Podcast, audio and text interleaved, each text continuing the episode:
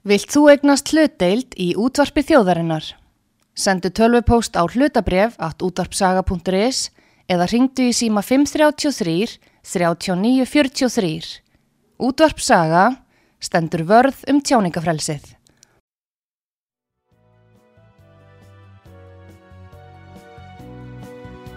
Sýteðis útvarpið á útvarpisögu í umsjón Arnþróðar Karlsdóttur.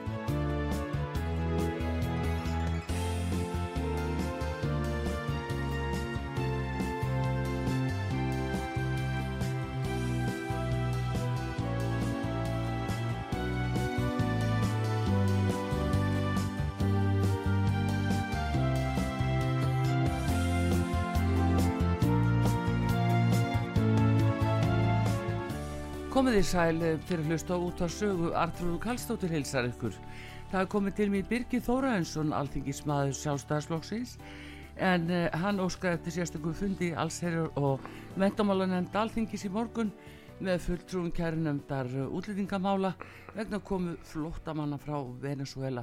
Góðan dag Birgir Þóraðinsson, velkomin á sögu. Já, góðan daginn, takk fyrir. Hvað kom til að uh, þú sást ástæðu til að efna til sérstast fundar með fulltrúin kærunemndar í útlýtingamálum? Já, þetta ásýr náttúrulega aðdraganda. Við sáum þar hér fyrir ekki svo langu síðan í fréttum að uh, það hefur verið að auglýsa, ferðarskristur í Venezuela er að auglýsa Ísland sem ákjásanlega stað, það sem gott er vel ferðarkerfið og, og hér séu greiðslur þegar fólk kemur til landsins og framvegis. Mm. Þannig að það er alveg augljóst, það er mjög auðvelt að lesa í þessar auglýsingar. Það hefur verið að auglýsa Ísland og bara velferðarkerfið á Íslandi. Já. og uh, þetta fekk náttúrulega heilmiklu umræðu í þjófélaginu mm.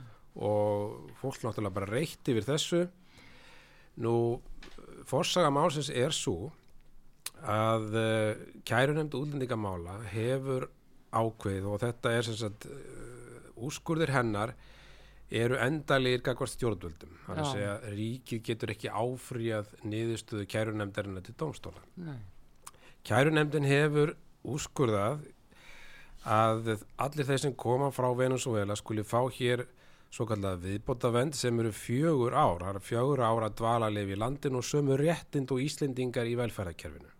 Já. og önnur lönd eru ekki að veita þessa viðbótavend til Venezuela umsækjanda og þess vegna fannst mér nöðsynlegt að fá það fram frá þessari nefnd. Hvers vegna hún er að úrskurða með þessum hætti þvert á það sem önnur lönd er að gera. Og gleymu því ekki að, að uh, fólk frá Venezuela er núna orðið fjölmennasti hópurinn sem sækir um hæla á Íslandi. Síðastleina þrjá mánuði mm. hafa þeir verið fleiri heldur en umsækjandur frá hennu styrýstráða landir í Úkrænu og sem dæmi að á fyrstu tveimur mánuðum þessa ás hafa rúmlega 400 sótt um hæli frá Venezuela en í Nóri er þeir tíu. Þannig að uh, ég vildi sérst bara fá það fram hjá nefndinni hvers vegna hún uh, fer þessa leið. Uh, Noregur veitir engum fjóra ára vend frá Venezuela Noregur sendi sérstakka sendi nefnd til Venezuela til að kanna þar aðstæður. Mm.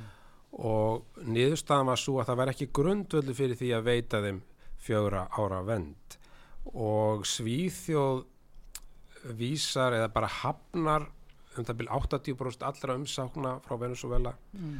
spát, það sem er mjög margir sækja frá Venezuela neytaði á síðasta ári 10.000 umsóknum frá Venezuela og veitir engum fjára ára vend þannig að Ísland er alveg sér á parti hvað þetta varðar.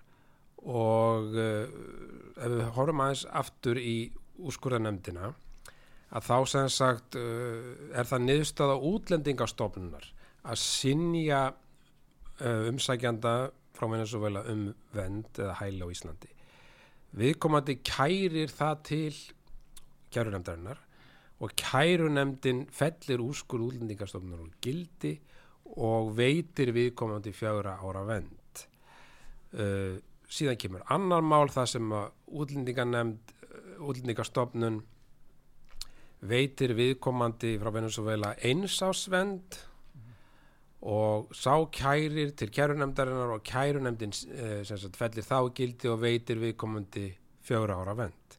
Þannig að þannig eru komið bara fordæmi sem að kærunendum setur gagvart útlendingarstofnun og það þýðir það að allir þeir sem koma frá Venezuela fá fjóra ára vend og auðvitað spyrst þetta út til Venezuela, það er bara þannig að uh, fólk veit það þegar að kemur hingað að það fái það fjóra ára vend og þetta er aðdráttarafl uh, núna erum við Íslendinga þannig gerðir að við viljum alltaf hjálpa öllum þeim sem eru í neyð ég er þeirra skoðunar og hann viðkendi það óbeint á þessum fundi formaða kærunamdarinnar að efnahastlegar aðstæður e, falla ekki undir skilgreininguna flótamaður Nei, það er nefnilega málið. Hvernig er Já. skilgreiningin á flótamenni? og uh, ég held að sé yfirgnefandi meiruluti þeirra sem er að koma frá Venezuela er að leita sér að betra lífi Já. og maður verður náttúrulega virðingu fyrir því.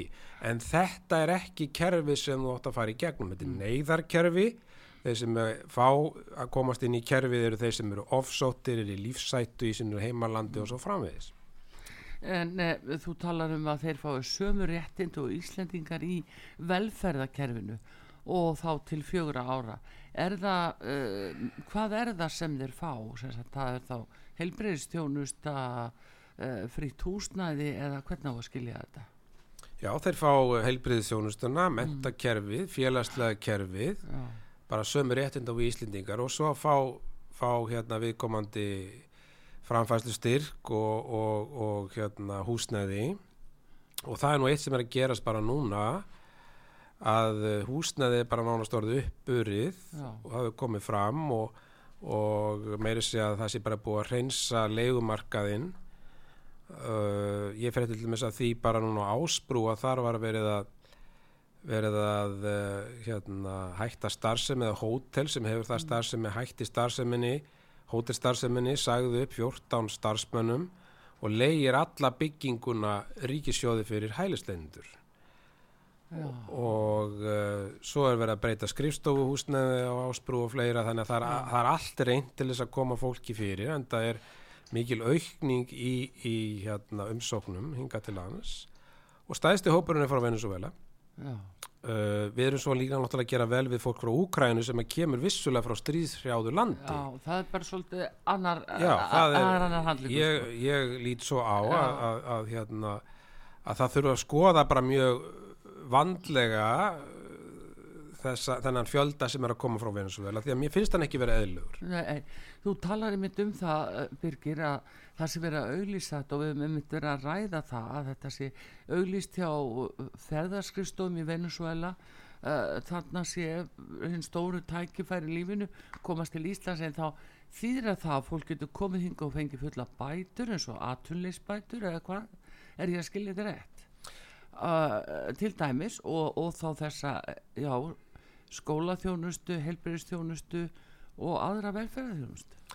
Já, þessi, þessi viðbótavend sem er fjögur ár Já, er í svona stjórnsýsla og dómaframkvæmt á alþjóðavísu eh, erfitt að fá í raun og veru. Mm, og uh, það er mun meira um það að, að fólki sem er uh, í þessu kerfi og er verið að taka móti að því sem veitt uh, svo kvölduð mannúðarvend sem er eitt ár. Já, og já, já, þetta eru sömu réttindir sem að fólk fær nánast sömu réttind og Íslendingar og, og, hérna, og þeir fá líka atunuleifi já, og það er náttúrulega gott ef einhver eru komast í vinnu en það er sama, sam, samt sem áður að þá er þetta ekki rétt að kerfi til að fara í gegnum vegna Nei, þess að, vegna þess að, að þetta er neyðarkerfi og þetta er hugsað sem þannig Sko nú þegar eru 3000 útlendingar á atvinnleysbótum. 3000. Af því að þeir einhverjum ástæði vinna ekki eða fá ekki vinnu. Þannig að hvert erum við að bæta á það eða? Já, ég uh, held að það sé alveg ljóst að uh, þegar að fólk er að koma í svona miklu mæli að, að hérna að uh, það uh, færi náttúrulega bara þennan framfæslu styrk þar til að, til að uh, þau uh, hugsanlega geta fengið vinnu og þannig að þau eru hér í kerfinu já í fjögur ár. Mm. Um, þeir eru náttúrulega að fara í, fá velferðarþjónustu. Það hefur kannski minna verið sundugrind hva, í hverju hún er fólkin uh, sko eins og til dæmis það er náttúrulega sálfræði aðstóð það er sálgæsla það er það nýjasta fjölmargir farnir að læra að koma sér upp sálgæslu fyrirtækjum til þess að, að taka á móti útlendingum og svo var ríki bara reikningin Já, þetta farið að kosta ríkisjóð verulegar upphæðir og uh, það stefnir í það að kostnaðurinn á þessu ári verði um það byrja 12 miljardar og þetta er orðin gífa, gífuleg aukning á mjög skömmum tíma. Og uh, það sem annað er að að núna hillir í það að við samþykjum útlendingafrumvarpið mm. sem er, er skrifir rétt á Já. og uh, þar er vera svona auka skilvirknina og, og koma í veg fyrir ákveðna misnótkun í kerfinu og uh, það er bara ánægilegt að, að þetta frum bara sé að verða lögum að því að við Íslendingar getum ekki haft einhverja sér reglur uh, við hefum bara að fylgja nágrannalöndunum, norrænulöndunum og í Evrópu uh, vegna þess að kerfið byggist upp á því að í raun og veru hafi allir sama regluverkið Já. ef það er eitthvað staðar veikara, einhverja sérreglur, þá fer ákveðin fjöldi þanga. Það er bara staðreind að uh, það er ákveðin hópur sem að fylgist vel með því hvað er í bóð á hverjum Já. stað. Og uh, við höfum búum við ákveðina sérreglur hér. Það er ekki búið að afnema þar allar og þetta frumvark kemur ekki til með að afnema þar allar. Uh, það er til dæmis áfram ákvæðið um það að að þeir sem hafa fengið hæli í öðru landi eða vendi í öðru landi að uh, þeir eru í nákvæmlega löndunum yfirleitt er þeim bara að vísa frá en hér erum við að taka þær til efnis skoðunar. Já, en hins vegar uh, þegar þú talar um þess að viðbóta vendi í fjögur ár, uh, hvaðan kemur það? Þetta er, Hva, hvað fyrirbæri er þetta? já, þetta er uh, bara í, í flóttamanna samningnum og, og í lögum um útlendinga og það er þessi skilgreining á sagt, hugtækinu mm. flóttamanni og sem segir meðal annars að hann hafi óttað um að verða ofsóttur eða vegna kynþáttar, trúabragða og þjóðveitnis og aðildara tilteknum þjóðfélagshópi eða til dæmis bara vegna stjórnmála skoðana.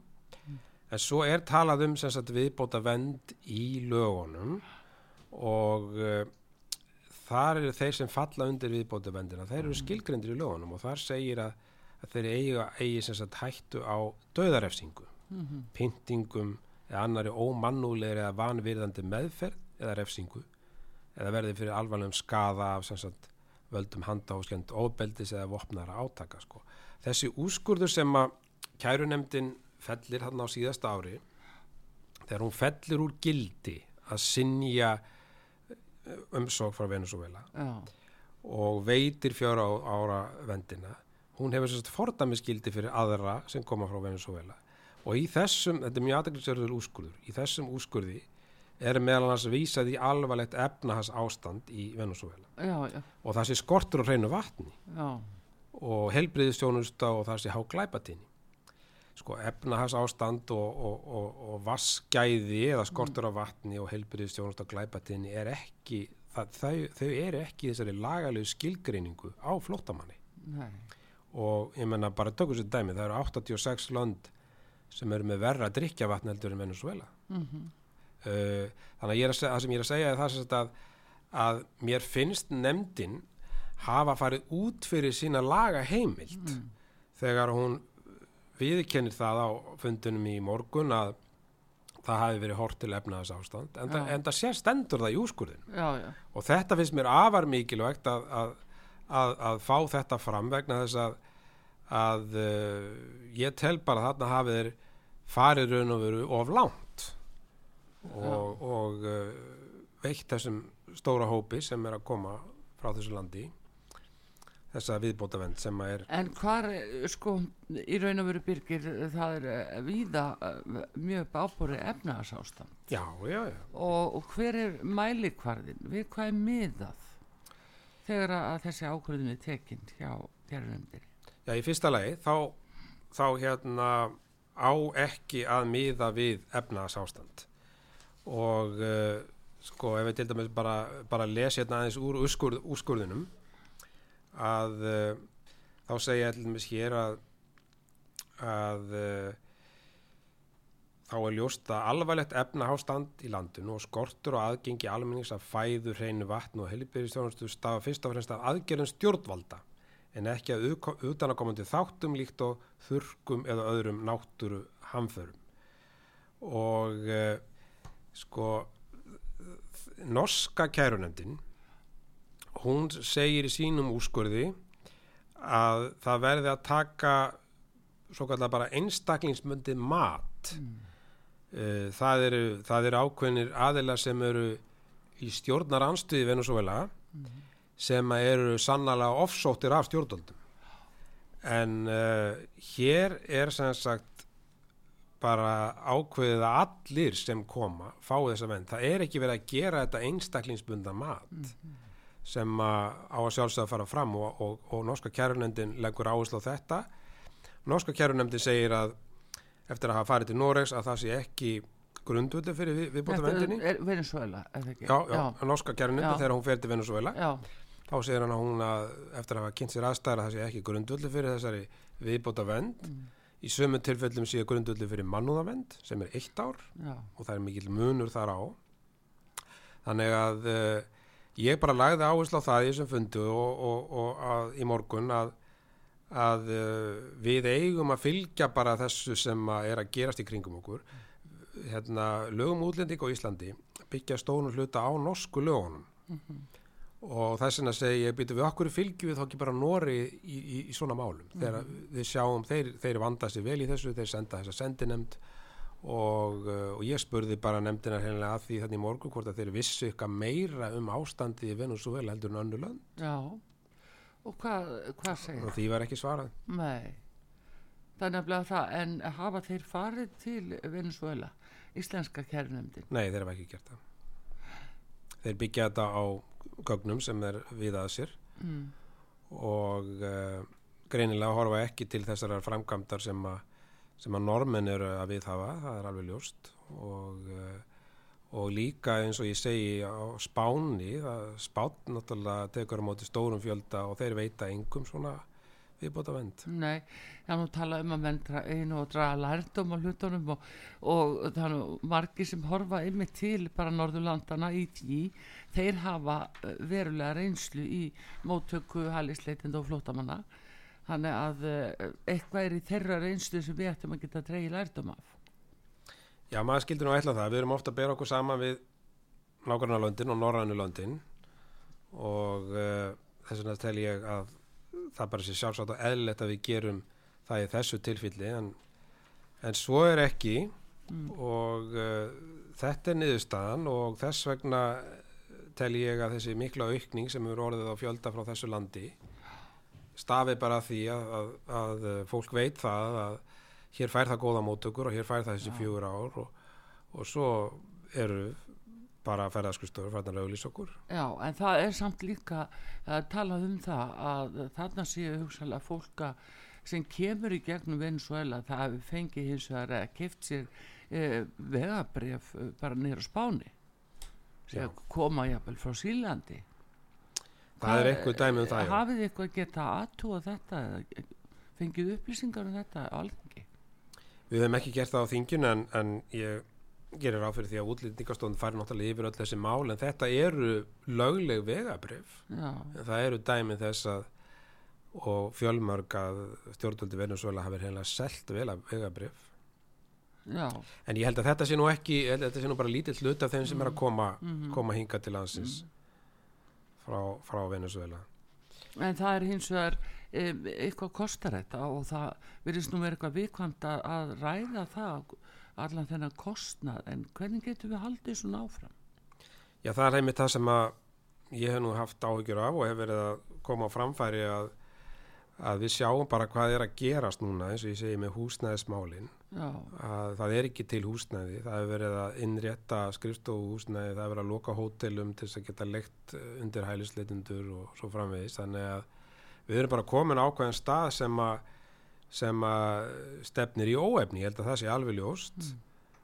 og kostnæður náttúrulega eftir því hefur við vaksið gríðarlega ég sé fyrir mér að ef, að, ef að þetta heldur svona áfram og þá er alveg ljóst að hér þarf bara að reysa einhverja gáma byggð Já.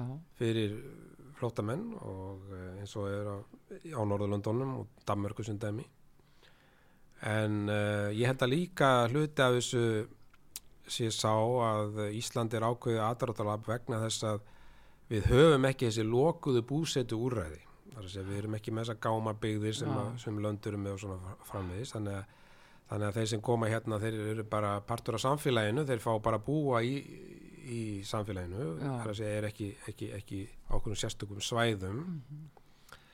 Allt er þetta hluta því að, að við erum komin á kortið. Já, en það, já, já, það er einmitt eh, þetta sem að, svona margir eru nú að tala um og hafa áhyggjur af en verður þá nú bara ekki allt vittlust ef að verður tala um þessa gáma byggð að útlendingar séu settir í einhverja, já, gáma og geimdir þar, verður það ekki næsta fár sem að blossar upp? Eflaust verða einhverjir ósátti við það en hvað á að gera þegar ekkert húsnæði til ég fó nú að skoðaði flótamannabúður í Gríklandi sem er svona gámabyggð. Og að þar, aðsta, þar þær aðstæður voru ágættar uh, svona gámur uh, samanstendur af tveimur herbergjum Mm. einu baðherbyggi og litlum eldurskrók Já, og þetta voru nýlið gámar sem ég sá þarna í, í Greiklandi og uh, Evrópusambandið veitti þeim styrki uh, til þess að laga þá sem voru fyrir Mhm. og þeir eru uh, búin að taka úr notkun gamla gáma og þannig að þeir eru að bæta sig helvi helling og, og aðstæðan hérna í þessum flótamannabóðum sem ég fór í Greiklandi Malakasa heita þeir var bara alveg ágætt já, En þetta geti bara verið raunveruleikin hér ef að, ef að, hérna, ef að heldur fram sem horfir. En ég er hins vegar alveg á því að ef að er þið breyting á, á hérna, meðferð á umsóknum frá Venezuela já, að við myndum bara samræmanda því sem er að gerast í kringum okkur að þá er ég alveg samfæður um að þessum umsóknum mun fækka. en það verðist nú vera mjög erfitt að koma einhverjum breytingum í gegnum þingið. í raun og veru fælst breytingin sem að geti, geti já, það sem að geti breytt þessu er svo að, að það kemur bara nýtt mál fyrir úrskurðanemdina Já, sem að hún þyrst að taka afstöðu til gagvart uh, Venezuela og þá er spurning hvort að uh, þeir breyti sinni niðurstöðu. Mm, ástandi skilst mér að hafi nú skánað Ven í Venezuela þeir uh, hafa gert samning hérna við, við alþjóðsamfélagið um að fá að selja til þetta í magna ólíu gegn því að kaupa liv og, og, og hérna helbriðsvörur og fleira þannig að ég held að sé svona vísmendir í görða það að ástandi sé að skána en, en hérna en allavega þá er bara niðurstaðan þessi að uh, að það er uh, að mínu mati búið að útvíka hér húttæki flótamaður það er búið að yfirfæra það yfir á efnahans ástand og það er bara eitthvað sem að gengur ekki upp já. Þetta segir uh, gestu hér uh, Birgir Þóraðinsson, alþingismæður sjálfstæðisflóksis og við erum að ræða um útlýtingamálin og sérstaklega komu fólks frá Venezuela hinga til hans uh, mestu fjöldi þaðan en við höldum áfram eftir auðlýsingar og ræðum þessi mál.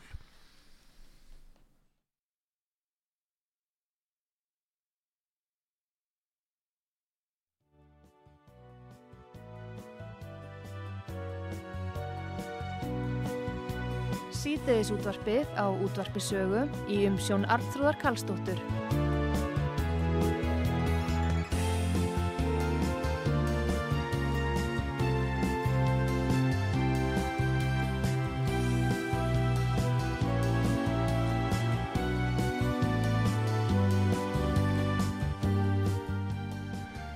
Komið þið sæl aftur, Birgir Þóraðinsson, alþingismadur, sjálfstæðisflóksins, gestu hér á útvarpi sögu, við erum að ræða um útlendingamálin og þá einhverjum og sérilagi í kjölfar fundar sem var haldin í morgun í allsherjar og mentamála nefnd vegna uh, komu flótamanna frá Venezuela, þar voru fulltrúa frá útlendingastofnun mættir, uh, kæru nefnd uh, útlendingamála. Eh, Birgir, eh, hvað, sko, ef maður horfir nú heilst þetta á þetta, þá er það þessi breyting og, og þessi, eh, já, bara verulega umbylting á þessu sviði bara á, síðustu missurum. Eh, hver er svona þín skýring á því? Af hverju Ísland allt í núna, þú veist að lýsaði vissulega hérna áðana að þetta, þetta ákvæði um viðbótavend, þetta er mjög uh, trekkjandi ef svo má segja fjögur ára viðbótar eða vend nú hérna það er spurningin sko hvað samt sem áður áhverju er Ísland komið svona á korti eru við búin að halda okkur svona mikið á lofti við það eða? Síðan skrifum við undir Marrakesh samningin 2019 og það er líka svona spurning hversu mikið þetta er komið þaðan og í kjölfar þess í gegnum saminuðu þjóðunar Já, sko nú uh, ég held að sjá að segja það sko að það er eins og með öllur önnur kerfi að, uh, að þá er það svona kannski reynda að misnóta það en mm. ef, ef svo má orði komast uh, þannig að það sem að við sjáum er að er að fólkið sem að er sko að leita sér að betra lífi það er að reyna að finna, finna leiðir til þess og, og uh, þetta er svona kannski með auðveld leið mm. að fara þú kemur bara til landsins og þú byður bara um hæli og, og þá fer ákveði kerfi í gang og síðan kemur það í ljós eftir kannski allt á langan tíma hvort þú átt heima í kerfinu eða ekki. En, uh, en hér er búið að setja ákveði fordæmið hvað var það umsóknum frá Venezuela að, að er fá svona ákveðin bara skilurislaust svona bara viðbótar vendina fjögur árin. Og, og það verður þetta aðdráttarafl. Mm. en, uh, en uh, almennt í heiminum að þá þá er nú gríðalegu fjöldi fólks að flóta 100 miljónir rúmlega skils mér og tölum frá flótamannastofnum saminu þjóðana og það er svona jú, það er náttúrulega margt sem að ítir undir þetta líka, það er náttúrulega bara orðið auðveldar að ferðast. Uh, það er þú færði allar þessu upplýsingar mjög auðveldlega. Hvað er í bóði mm. í hverju landi og svo framins og hver er best að vera. Og auðvitað talar þetta fólk saman og, og, og hérna og lætur vita hvernig mm. er að vera á Íslandi og hvernig er að vera í Nóri og svo frammeðis en það sem ég finnst svolítið sláandi við þetta er það að, að það sé mikli munur á tölum sko eins og ég sagði Já. bara í upphafi ásins hvað eru margir að koma hingað uh, í samaburði við sko, Noreg sem eru mun færri eins og ég mm. sagði tölun á það sko 408 hér á fyrstu teimum mánuðum ásins að með eru tíu í Noreg Já, já Þannig að uh, við þurfum bara einfallega að sjá til þess að við séum bara með nákvæmlega sama regluverkið og aðra þjóðir. Mm. og við erum að vinna í því og þetta frumvarp er skref í rétt átt. Og uh, það þarf að taka fleiri skref og vonandi verða þau tekin. En uh, ég hef séð fólki sannarlegri neyð, ég hef búin að fara til Afganistan séð fólk þar í gríðalegri neyð konar Já. og börn. Já kristna flótamenn mm. sem er mjög ofsóttir í, í, í Afganistan. Afganistan er hættulegst að landi í heiminu fyrir kristna að vera í. Já, en er það ekki almennt bara líka uh, byrgir er það ekki þessi tilnefing líka að uh, tala kristni niður og, og, og burt með trúna og, og allir eins og þú skilur, er, bara, er það ekki það sem er tilnefingi líka núna að breyta trúabröðum Jú, kristnir eru sá hópur í heiminum sem er mest ofsóttur Já. og uh, því ég var í Írak á dögunum, ég fór, fór þákað uh, mm. og það var mjög aðteklisverð ferð uh, fyrir 20 árum voru 3,4 miljónir manna, kristina í Írak Já. í dag eru 400.000 þannig að þeim er fækkað um þrjár miljónir á 20 árum Já. og ég fór til Kurdistan sem er í norður Írak og uh, þar býr 90% uh, kristna Já. ég fór og skoðaði þessa bæi Mósul og þessa bæi þar sem að ISIS var uh, hvar sterkastir Já. og uh, það var gríðarlega eigðilenging í þessum bæjum og þarna sá maður kirkjur sem maður var búið að sprengja og og búið að krota á arabísku utan á sko að við brutum krossin og alls mm. konar svona íslamsk slagorð gegn, gegn kristnum. Og það sem var kannski svona dabulegast við að koma í þessa bæi var að að írausk stjórnvöld hafa dreyið svo að endur byggja þessar þessar bæi. Já, þannig að fólki sem var þarna þurft að flýja og, og sem voru nú mikið konur og börn vegna þess að bara kallmenninni voru bara drefnir af, af, af ISIS að þau búa í ennþá í flottamannabúðum og það eru bara tjaldbúðir. Og það fólk hafði ekki gott að, og hefur það ekki gott. En þetta sá maður með einu augum sko þessar ofsóknir gegn kristnu fólki. Eins og þessi bæir þú eru litlir, gamlir bæir og og, uh, og hérna þetta fólk hafði ekkert til saka unni annað en það vera kristnir já, já. Nú er talað uh, gjarnan um það, Birgir, svona þessi gömlu góðu uh, gildi, við höfum nú svona haldið okkur sama sem þjóð mikið á því og í ljósi kristni. Eh, nú hefur þetta sko verið mjög áberandi á síðustu árum eh, hvernig því er svona dálítið ítt til hliðar það er bara áberandi kirkjan er minna sínileg þú ert nú einmitt guðfræðingur og lítur að fylgjast dálítið með þessu. En uppalega er það að það er ákveðið árið 2008 hér á Íslandi að taka út úr skólum kristnifræði Já, þetta er alveg rétt ég, hvað er búið undir niðri að gerast? Hvað er að gerast á bakvið tjöldin í þessu? Já, það er bara mjög góð spurning. Ég, ég þekki þetta ágætlega. Ég hef unnið frumvarp um það þar sem að og ég mun endur flytja það núna á höstþinginu hérna, um að auka vægi kristnifræði kjenslu í grunnskólum mm. og uh, það er heilmikið greinagerð sem fylgir frumvarpinu þar sem ég rek svona uh, bæði söguna og, og, og þessar ákvarðanir eins og þessar ákvarðanir sem þú nefndir hérna 2008 og framkvæmt á því svo Og- kom 2012 já, já, já, já. og uh, ég uh, maður hefur svo sem enga haldbæra skýringar á því okkur þessi stefna er, er tekin en uh, það er svona uh, hvort að þetta, já, að vera eitthvað svona umburðalindi kakart öðrum trúabröðum eitthvað svo frammiðis en ég meina við Íslendingar erum bara kristin þjóð. Við erum búin að vera það í þúsund ár og við eigum að uh, bara halda því á lofti og uh, þegar í þessu frumvarpi mínu þá legg ég bara áherslu á það að það sé sjálfsögðu kend önnur trúabröð í grunnskólum.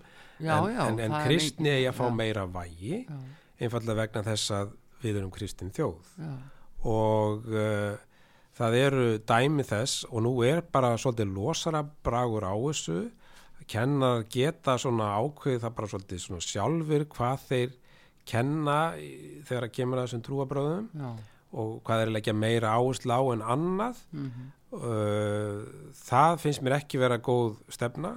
Eða bara vera svolítið niður njörfað hvað eru margir tímar já, á viku sem fara í kristinfræði og hvað er margir tímar sem fara í önnur trúabröð já, og uh, þannig að ég legg til þess að, að, að hugtækinu verði breytt. Í dag heitir þetta trúabræðafræði en ég legg til að hug- hugtækinu verði breytt og það verði kristni og trúabræðafræði já.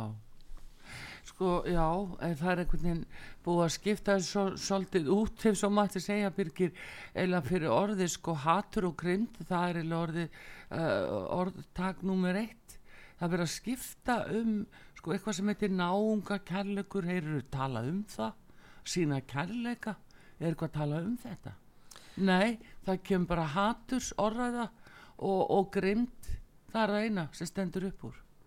Já, þess vegna held ég að sé mjög mikilvægt. innræting Já, mér held að sé líka bara mjög mikilvægt að börn fá að þekkja biblíusögunar það sem Já. að náttúrulega hinn kristna siðfæræði byggist á eins og Já. til dæmis bara eins og þú segir miskunnsami samverinn og þar er kærleikurinn og, og uh, mér finnst bara eðlilegt að börni að þekkja þessa sögu vegna Já. þess að við rætur okkar okkar menningar uh, og, og, og, okkar siðferði vitundar mm. sækjum við til ymmit kristinnar aftur í tíman sko. Já, þannig að þannig að þetta er hefur bara breyting sem hefur verið eiga sér stað smám saman á umliðnum árum og er orðið mjög ábyrjandi núna sko það er líka samlega þessu að við erum að horfa til þess að fá eh, svona marga útlendinga inn til landsins eða hælisleitundur og, og flótamenn að hverra trúar til dæmis eru þeir Já, er það vitað, er þetta kristi fólk eða ekki svo skilja að skipta einhverju stórmáli, heldur bara það er fróðlegt að vita það. Já, ég, hérna, Hvaða trúabröð er að flytja sig hingað inn? Þegar kemur til þess að kvótaflótamönnum, Já, þá hef ég sagt það og ég með þessi átt fund með formanni kvótaflótamanna nefndar. já, Kvótaflótamenn eru þeir sem við veljum sjálf og í samstarfi við stofnarnir saminu þjóðana. já, Og ég hef sagt þar að við eigum að velja þar kristi fólk vegna þess að það hefur bara hallað mjög á það á undanförnum árum og þetta er svo hópur sem er mest ofsóttur. En þetta er líka hópur sem aðlagast vel okkar samfélagi. Og mér finnst það líka skipta máli. já, Og ég nefndi Afganistan sérstaklega, ég veit að það eru um þetta byrja 50 kristnar fjölskyldur í Kabul mm, sem eiga afar erfitt og uh, börnin get ekki farið í skóla því þau heita kristum nöfnum og svo framvegis. Við erum að velja, höfum valið kvótaflótamenn frá Afganistan. Mm, og ég segi fyrir mitt leiti býtu okkur veljum við ekki eitthvað þessu fólki? Já, og við erum að velja fólk uh, vegna trú, eh, vegna hérna kynneigðar og svo að akkur ekki eftir Já, trúabröð já. sem að eru þá, og það, það er alveg hérna. og það fellur alveg undir skilgreininguna sko eins og ég sagði á þann á hugtakinu að hann er sagt hann er ofsóttu vegna trúabræða þannig að þetta, hann fellur algjörlega þar undir. Já, ég ætla að vona það að, að, að ég hef nú átt ágættis samtal við forman nefndarinnar um þetta Mm. og hún tók mér ágætlega já, og ég ætla að vona að, að þetta verði niðurstaðan að, að við förum nú aðeins að hugsa líka um þessa þætti já, en sýnist þér eitthvað talað um það að kristi fólk sé ofsótt, sérðu þetta í íslenskum fréttum? Nei, allt og lítið. Uh, Bretland hefur látið að auðarikisráðunandi Bretlands lítið gera skýslu fyrir nokkrum árum. Það sem að er uh, bara sláandi niðurstöður um, um ofsókning gegn kristum fólki í heiminum. Og uh, þá er andur auðarikisráð þegar breyta uh, tók þetta upp og gerði það myndalega. En ég veit nú ekki hvernig, hvernig þeir breytanir hafa fyllt því eftir en en það þarf bara að vera svona ákveðin líka vitundar vakning hvað þetta varðar og þú sér bara þess að tölur sko hvað við fækka gríðarlega kristnu fólki í Írak. Ég menna Írak er nú bara þar var nú bara telja menn að aldingarun etin hafi verið Já. og gamla Mesopotamía og allt þetta. Uh, mjög merkilega sögu uh, sem Írakar eigar þegar kemur að kristni. En þarna eru bara þrjár miljónir farnar á landinu. En uh, Kurdistan sem að ég hitti þarna einn ráþæra í, í stjórn Kurdistan og, og hann uh, talaði mikið um trúna og hann var kristinn og, og saði það að þeir reyna allt hvað þeir geta til þess að halda vel utanum, utanum kristi fólk í Kurdistan vegna þess að, að þeir eru undir stöður í svona ógn og mann alltaf mennum er í fesku minni æsis hvernig þeir Já, já, fóru þarna um. Þannig að, að það var ánægilegt að heyra það að, að hversu hann var meðvitaður um mikilvægi þess að, að, að, að hugsa vel um þennan hóp sem er minniluta hópur í Írak. Og það fannst mér nú reynda að koma fram frá öllum líka fórseta Íraks sem við áttum fund með að, að þeir leggja áherslu á það að, að varveita eða hugsa um þessa minniluta hópa og það er kannski svolítið merkilegt við Írak að það eru bæði, bæði sunni múslimar og síta múslimar og kristnir og virðast geta svona lifað tiltölega áhyggjulausir enn sem komið er já, verið, já. svona eftir að ný stjórn tók við Já. og, uh, og er svona kannski vonandi einhver fyrirmynd um það að, þetta sé nú hægt í miðausturlöndum Já, en þá er líka spurningin sko uh, svona þessi yfirsýn hvert uh, fólk streymir, ég meina það er að sækja til Vesturlanda og svo til Íslands á öllum stöðum, þá er stefnan tekin. Veist, það er eh, svona svolítið sérstakt. Það er svolítið sérstakt uh, og ég held að sko margir þeir sem er að koma frá meinu svo vel að fara beint í gennum Spán stoppa bara mjög stutt bara í, á Spáni og fara svo beint til Íslands Já, og uh, eins og ég segðum bara á þann að, að, að þetta er bara fólk í leita betra lífi og þetta er náttúrulega Mm. umöðluður þessi sósialismi í, í Venezuela og, og En það má líka segja að það verður til fyrir líraðislega kostningar, ekki satt? Jú, Fólk jú. býður um Já, þetta, kallar þetta sjálft yfir sig og, og flýra þá til næsta landskiluru og lifir þar frýtt. Er það þetta sem er blasir við en fer samt inn í kjörklefan og kýs þetta sjálft yfir sig? svo ef, ef, ef þetta mis uh, horfum að nágrannaríki Kólumbíu Já, sem hefur margt svipað og Venezuela Já. uh, að því við varum að tala um drikkjavatn á hann þá skipt mér að það sé nú svipað já, en uh, marg, svona, svipara að stærra mörguleiti já, að uh, það er nánast öllum flóttamennum sem koma frá Kólumbíu er hafnað hér á Íslandi já. en, uh, En á hvaða fórsendum er og það? ég þá? veit að það hefur haft sambandi með fólk frá Kólumbíu sem er Já. mjög hissa yfir því hvað Venezuela fær hér mikið Mm. forgang vegna þess að aðstæðuna séu mjög já, Þannig að það er bara, það er bara ímislegt í, í þessum úrskurði kærunemndarina sem að þarf bara fara að vandla yfir og, og ég bara vonast til þess að, að þeir hafi nú skilning á því að, að, að þeir séu nú komnir hérna fram úr sér, já, þeir séu búin að útvíka þetta hugtak flóttamaður með því að minnast á efnaðslegar fórsendur í, í sínum úrskurði og þessari stefnu verður breytt. Það er Já. svona það sem ég er að vonast til. já, já. En það, hérna, aftur á móti virkir þá uh, ennú tala um það statt og stöðut jafnt á stjórnvöldu sem og öðrum að hér sé von á mikilli glæpatíni frá hérna ekki hvað síst í gegnum uh, uh, ellenda, ellenda glæpahópa sem hinga að koma hvernig vita menn er ekki að flytja glæp, glæpahópa Já, sem að geta nú- leinst að inn á milli Já, þetta er alveg rétt og rétt mætar áhyggjur. Ríkislaurugstjóri hefur einmitt uh, komið þess á framfæri í síni skýslu Mhm. að það sé hætta á, á mannsali til dæmis með Já. auknum fjölda flóttamanna Já.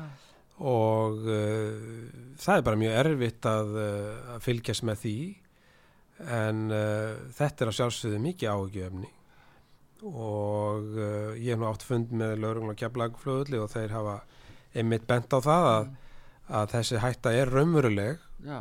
og því miður þá er alltaf einhverju misindismenn sem að notfæra sér aðstæður fólks og neyð sérstaklega bájindi Já, já. og þetta sáum við í, í Úkrænustríðinu og sjáum í Úkrænustríðinu. Ég fór þarna yfir til Úkrænu fljótlega eftir að stríði byrjaði og ég var þarna við landamæri með Póland þegar að þessi gríðarlegi ströymur fólks kom. Já, og þá eru dæmi þess að menn komu, ykkur svona sem hefðu eitthvað slemt í huga, komu bara á fínum bílum og buðust þess að taka konur upp í og, já, og útöða þeim húsnæði og svo framvegis. Og þarna var bara verið að bjóða hættunni heim og þetta voru mjög mikið konur og börn vegna þess að eiginmennin voru allir eftir heima. Já. Feng, fengu ekki að yfirgefa landið. Þannig að það þarf stöðut að vera valbelgi kakvart þessu og það nákala sama við hér á landi þegar við erum að sjá þessa aukningu í strömmnu til landsins að, að það er uh, fólk sem er í verulega hættu þegar að kemur til þess að mannsali já, heldur betur. Það er nú uh, eitt leiðir af Já. má segja. En Birgir, svona áður þú hérna uh, ferð af staðnum þá og langar með aðeins að minnast á þennan leittófundi Evrópu rásins í vor sem við fyrir hugaður hérna í Reykjavík. Uh, hvað segir okkur um þetta? þetta er, Já, þetta er uh, mjög stór fundur. Já, það eru sagt þjóðarleituðar 46 ríkja. Það eru 46 ríki sem standa að Evrópuráðinu. Mm, uh, Evrópuráðið er ekki Evrópusambandi það Nei. er uh, rétt, að hafa það alveg já alveg tveir, ólíkir Já, heimar þetta er hérna og ég sitt þarna í þessu ráði Evrópuráðinu og þetta er mjög góður vettvangur. Já, eftir Úkrænustríði eftir að það hófst að þá var ákveðið að kalla saman leiðtoga allra ríkja mm. Európaráðsins og til fundar og fundarið efni yrði að uh, megin hluta Úkrænustríðið og bara staðan í Evrópu vegna þess. Mm, og þessi fundur hefur ekki verið haldin í 20 ár. Og niðurstaðan var svo að halda hann á Íslandi. Já, það var sem sagt Írland og Ísland sem voru að bítast um að halda fundin já, og uh, það var niðurstaðan að við heldum fundin og ég held að sé nú hluti af því líka, eða höldum fundin uh, líka hluti af því niðurstaðan er svo að, að við erum gegnum formensku í Európuráðinu næstu einmitt. sex mánuðina hún svona, hún hérna skiptist já, og uh, það verður bara vonandi góð nýðustað þessum fundi það, Er að vænta einhverja stóra tíðenda? Er, eitthvað, er verið að búða einhverja stórvæðilega breytingar? Ég hef nú ekki heyrt af því en það er náttúrulega mjög mikilvægt að, að, að fundurinn sendi frá sér álíktun sem, sem að snýra stöðun í Evrópu vegna stríðsins í Ukrænu og Já. bara almennt gagvart stríðinu og, og, og, og þeim hörmungu sem þar hafa dunið yfir. Mm. Uh, þessi fundur uh, þarna skrýðulega gríðarlega skipulagningar Já, og þetta er staðstu fundur sem Íslandu tekja þessir að halda. já, það er nefnilega það. Og er þá mikið sagt. Já, Ég er bara að þakka að kella fyrir komuna Birgir Þóraðinsson, alþingismadur sjálfstæðarflóksins. Eh, Takk fyrir og gáðið allt í takk. Artrúð Kallstóttir þakkar ykkur fyrir og Birgir Þóraðinsinni. Takk við maður í útsendingunni Einar Karl Gunnarsson. Verðið sæl. Síðdeðis útvarpið á útvarpisögu í umsjón Arnþróðar Karlsdóttur.